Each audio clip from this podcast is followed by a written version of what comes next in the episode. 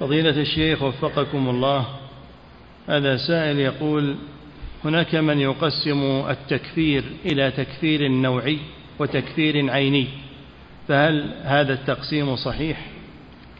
يا إخوان اتركوا التكفير لا تدخلون به لا تدخلون في التكفير. أقل أقلوا منه وابتعدوا عنه.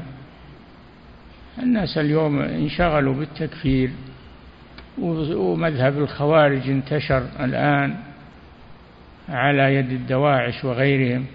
ابتعدوا عن هذه الأمور. نعم.